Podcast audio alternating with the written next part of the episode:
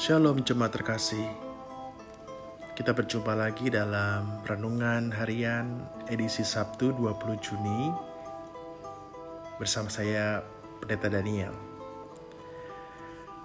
Pada hari ini kita akan merenungkan firman Tuhan dari Amsal 25 ayat 28. Amsal 25 ayat 28. Orang yang tak dapat mengendalikan diri adalah seperti kota yang roboh temboknya. Jemaat terkasih, ada sekelompok peneliti karakter anak mengadakan sebuah tes dengan sebutir permen. Dalam tes tersebut, anak-anak dikumpulkan dalam sebuah ruangan, lalu satu persatu diberikan satu butir permen kesukaan mereka. Peneliti itu mengatakan kepada anak-anak, "Kalau kalian mau menunggu kami selama 10 menit tanpa makan permen itu, maka kalian akan mendapatkan dua butir permen. Tetapi jika kalian mau makan sekarang, silahkan. Kalian cuma mendapatkan satu permen saja. Lalu kemudian mereka ditinggal oleh peneliti itu dan ada banyak reaksi yang muncul dari setiap anak. Ada anak yang berusaha menahan dirinya dengan mengetuk-ngetuk tangan. Ada anak-anak yang mengambil permen itu lalu mulai icip-icip dan memakan setengahnya. Ada juga anak yang makan habis satu permen itu, tak sabar menunggu. Di akhir waktu, anak yang berhasil menahan dirinya maka ia mendapatkan dua butir permen dengan sangat gembira. Cuma terkasih menguasai diri itu bukan perkara yang mudah. Terlebih lagi menguasai diri dari sesuatu yang menyenangkan buat kita.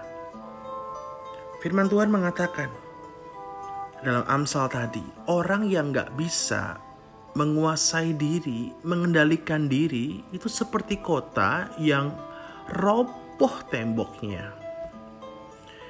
Kalau sebuah kota tanpa tembok, maka bahayalah kota itu.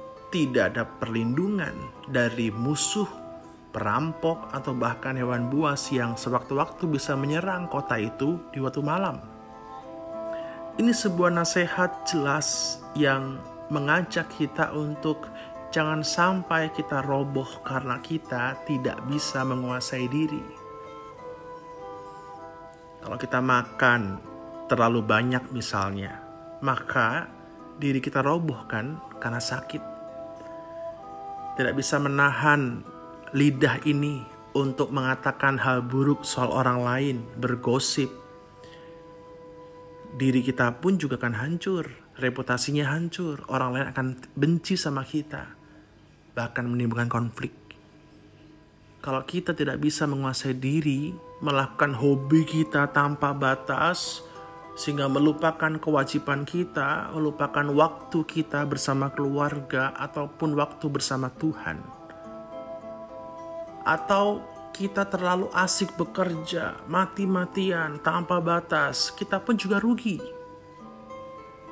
Kalau kalau kita tidak mampu juga menguasai emosi, maka akan menimbulkan kerugian juga. Ada konflik, ada amarah, dan masih banyak lagi. Lalu bagaimana kita harus menguasai diri? Rasul Paulus dalam 1 Korintus 9 ayat 27 dia mengatakan, Aku melatih tubuhku dan menguasainya. Ya, melatih tubuh dan menguasainya.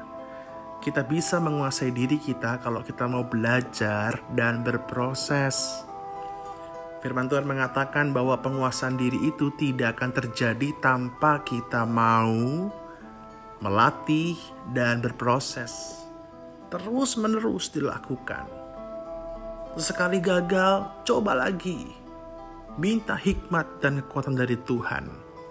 Roh Kudus yang terus mengingatkan dan menguatkan kita. Terus latih, kuasai diri, terus menerus. Hingga pada akhirnya menjadi karakter yang baik dalam kehidupan kita. Maka cuma terkasih, Mari bersama-sama kita belajar untuk menguasai diri kita. Tuhan memberkati kita semua. Amin.